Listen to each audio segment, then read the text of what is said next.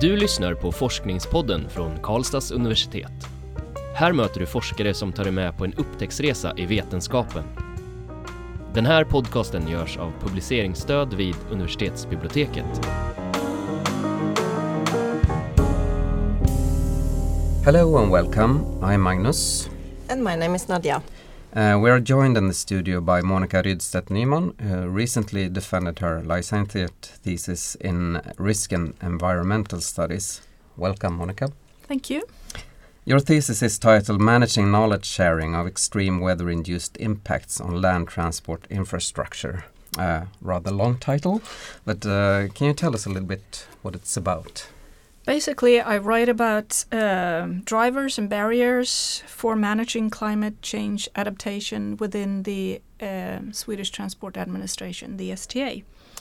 I point out the short term abilities like coping capacities in people's uh, way of handling uh, climate change, but I also deal with uh, the long term abilities like adaptation when it comes to climate change adaptation. And I basically written two uh, very diverse articles. One is about how to use uh, industrial investigation accident methods on an extreme event in Sweden. It was a cloudburst event where a tr- passenger train stopped inside a four kilometer long railway tunnel for several hours. And I use these investigation methods to see their pros and cons and if they're applicable on natural hazards. And I can see that the methods are applicable, but they're very technical, and you have to have that in mind when you use them. The second article is about the attitudes and the understanding of climate change. And since we in Sweden have uh, public procured uh, contracts between uh, entities, we need to deal also with the barriers and the drivers between different uh, organizations when it comes to learning from uh, the climate change uh, and the extremes and how you deal with them. And my ar- second article is about that the attitude and how you share and if you share, how does it work? That was very short. yeah. uh, just to get a little bit of a background, can you say something about how you come up, came up with the idea for the thesis?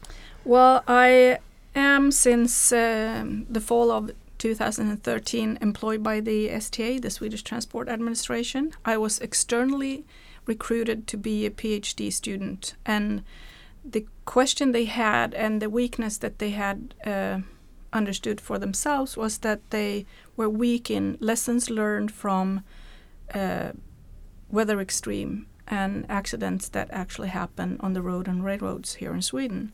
And they wanted someone to write about that uh, at a higher academic level.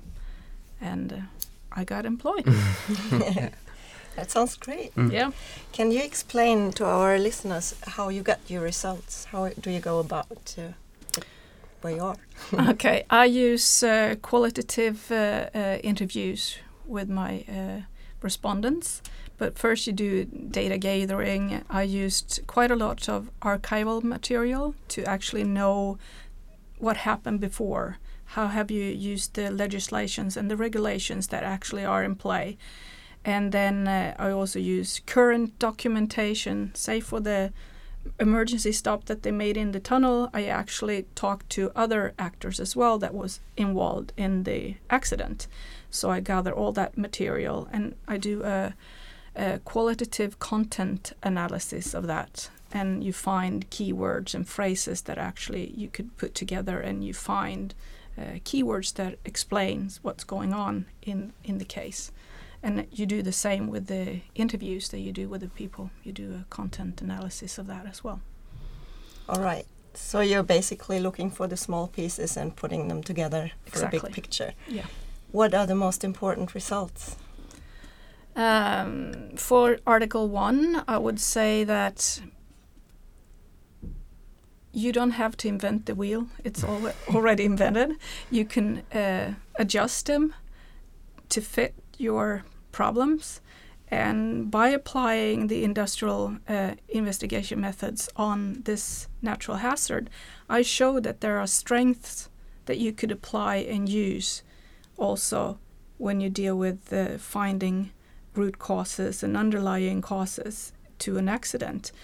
Uh, but the cons are also there. As I said, they're very technical and they don't always deal with the lessons learned, which is very important for my thesis. Mm. It's about lessons learned. How can we learn from something that already happened so we could be better and become to get a, a society that is more resilient to climate change? And in paper two, yeah. Or that was both papers? Or? Uh, mm, the second paper, the the most valuable lessons that I can see there is that you have to understand that there are two different entities when you have deal with a uh, governmental agency and and when you have uh, a private uh, organization that's supposed to work together.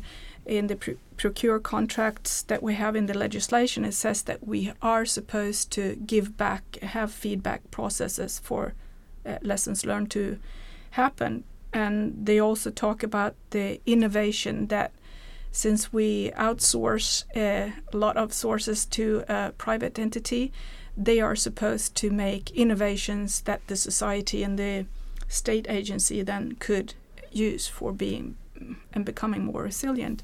And I can see that there is quite a lot of differences here.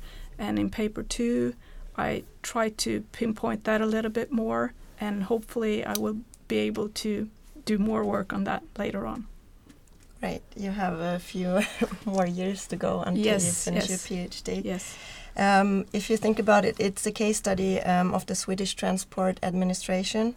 You're uh, Liz, and um, can you explain a bit more, like the effects of the climate change on the roads and all these uh, different transport systems? You mentioned trains, but what is more that we should consider?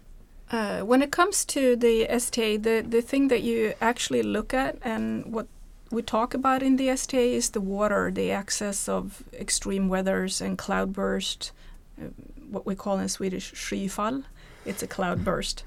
And uh, water is a big issue because water uh, destroys quite a lot of the infrastructure and it's very, uh, it could be very fast.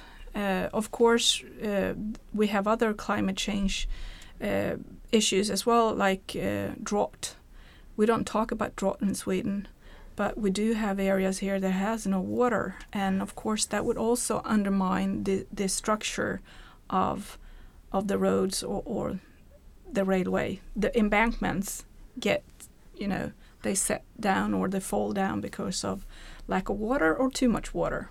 So but water is the big issue mm. okay I'd like to return a little bit uh, to what you said about the uh, the relation between public and private actors here.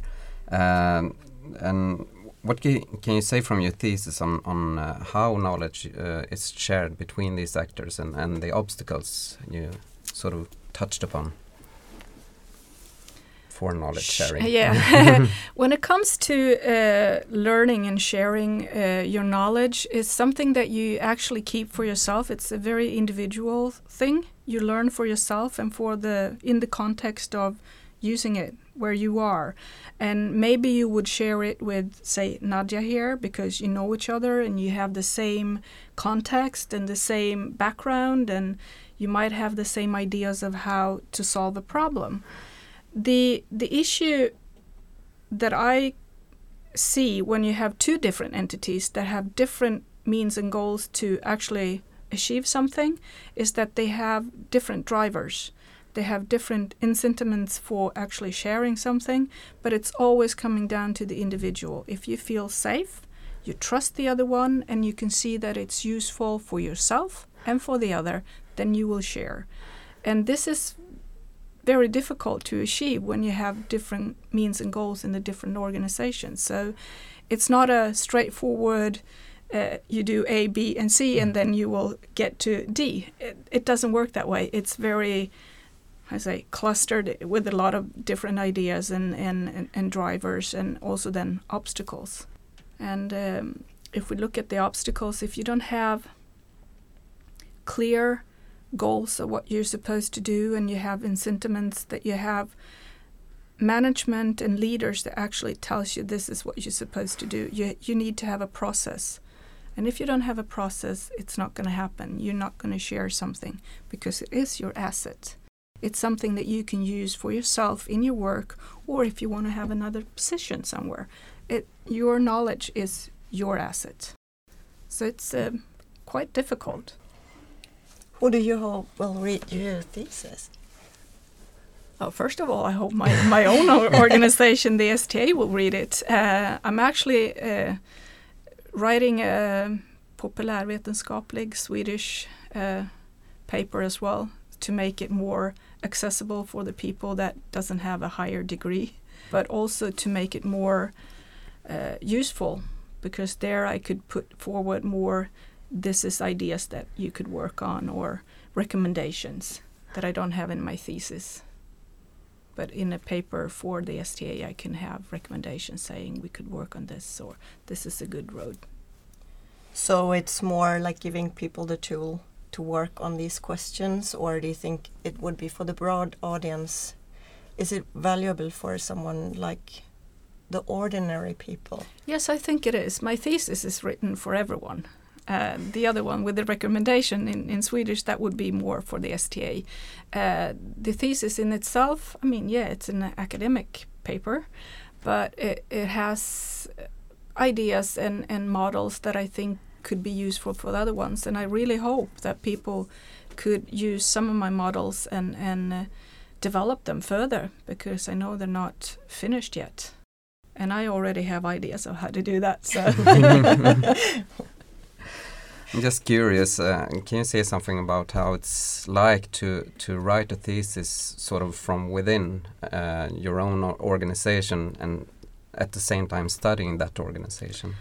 Uh, yeah, I was I was never employed by the STA before I was hired ah, in mm. 2013, so I have that advantage. I don't have any backpack. Hmm. I don't carry anything. Uh, at the same time, it's very difficult because I don't have the connections that you have, mm. actually need a network uh, to find the right people to give you ideas of how to sample people that could answer questions. So I basically sit and call people and say, "Hey, I saw your name. could you help me? I'm doing this and this." And um, a lot of people don't understand what a doctorate is mm. either. So they have you have to explain that. And of course, climate change is a is an issue that has a lot of no-nos around it connecting to it. So you have to talk about climate change and if it happened or not. And you have to talk about robustness and resilience and, you know, a lot of different um, issues that are very important in my thesis. Mm. But it's uh, very rewarding. People actually do listen. And, and I've seen for these two last years, I mean, for not being – talked about in the organization as a whole, they have over 6,000 people employed. Uh, they never talked about climate change and climate change adaptation because it's not a legislation in Sweden. It's something that you do on your own if you want to. And I think the STA has been very progressive when it comes to this, that they actually want to do something about climate change and they want to be resilient. They want to become more uh, adaptive when it comes to this. So under these two years, I've seen when I've talked to people and I've done research and uh, questioned a lot of people, I can see that they've changed their mind and their ideas of how to work with it. So in two years' time, I can actually see that something happened.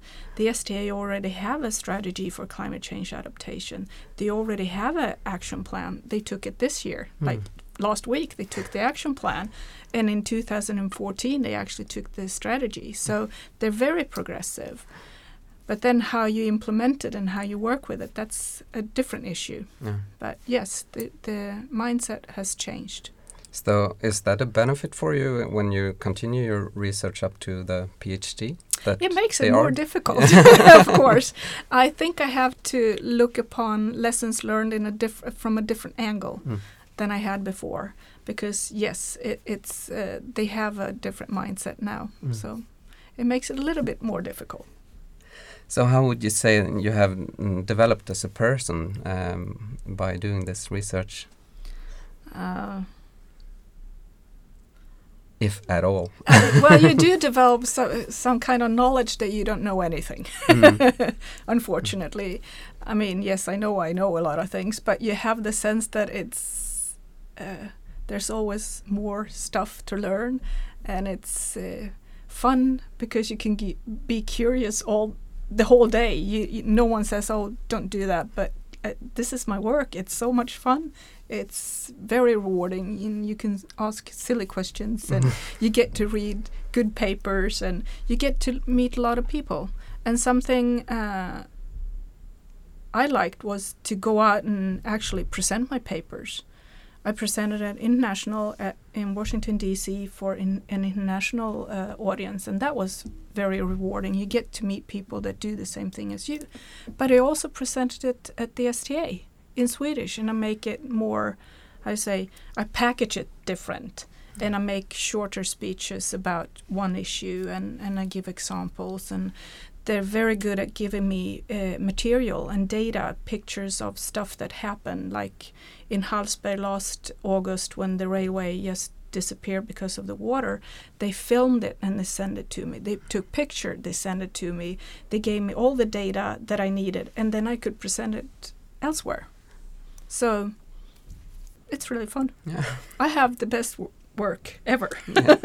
It sounds perfect, really great. perfect cooperation between you and your employee. Yeah.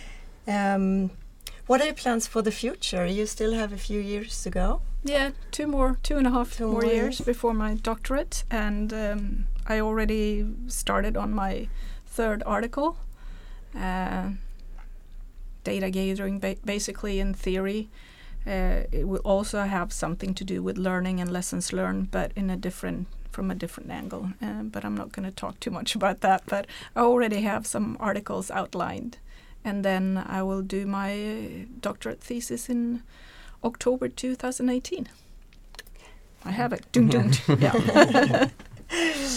That sounds great. Is there anything we forgot to ask you, but that you would like to tell our listeners?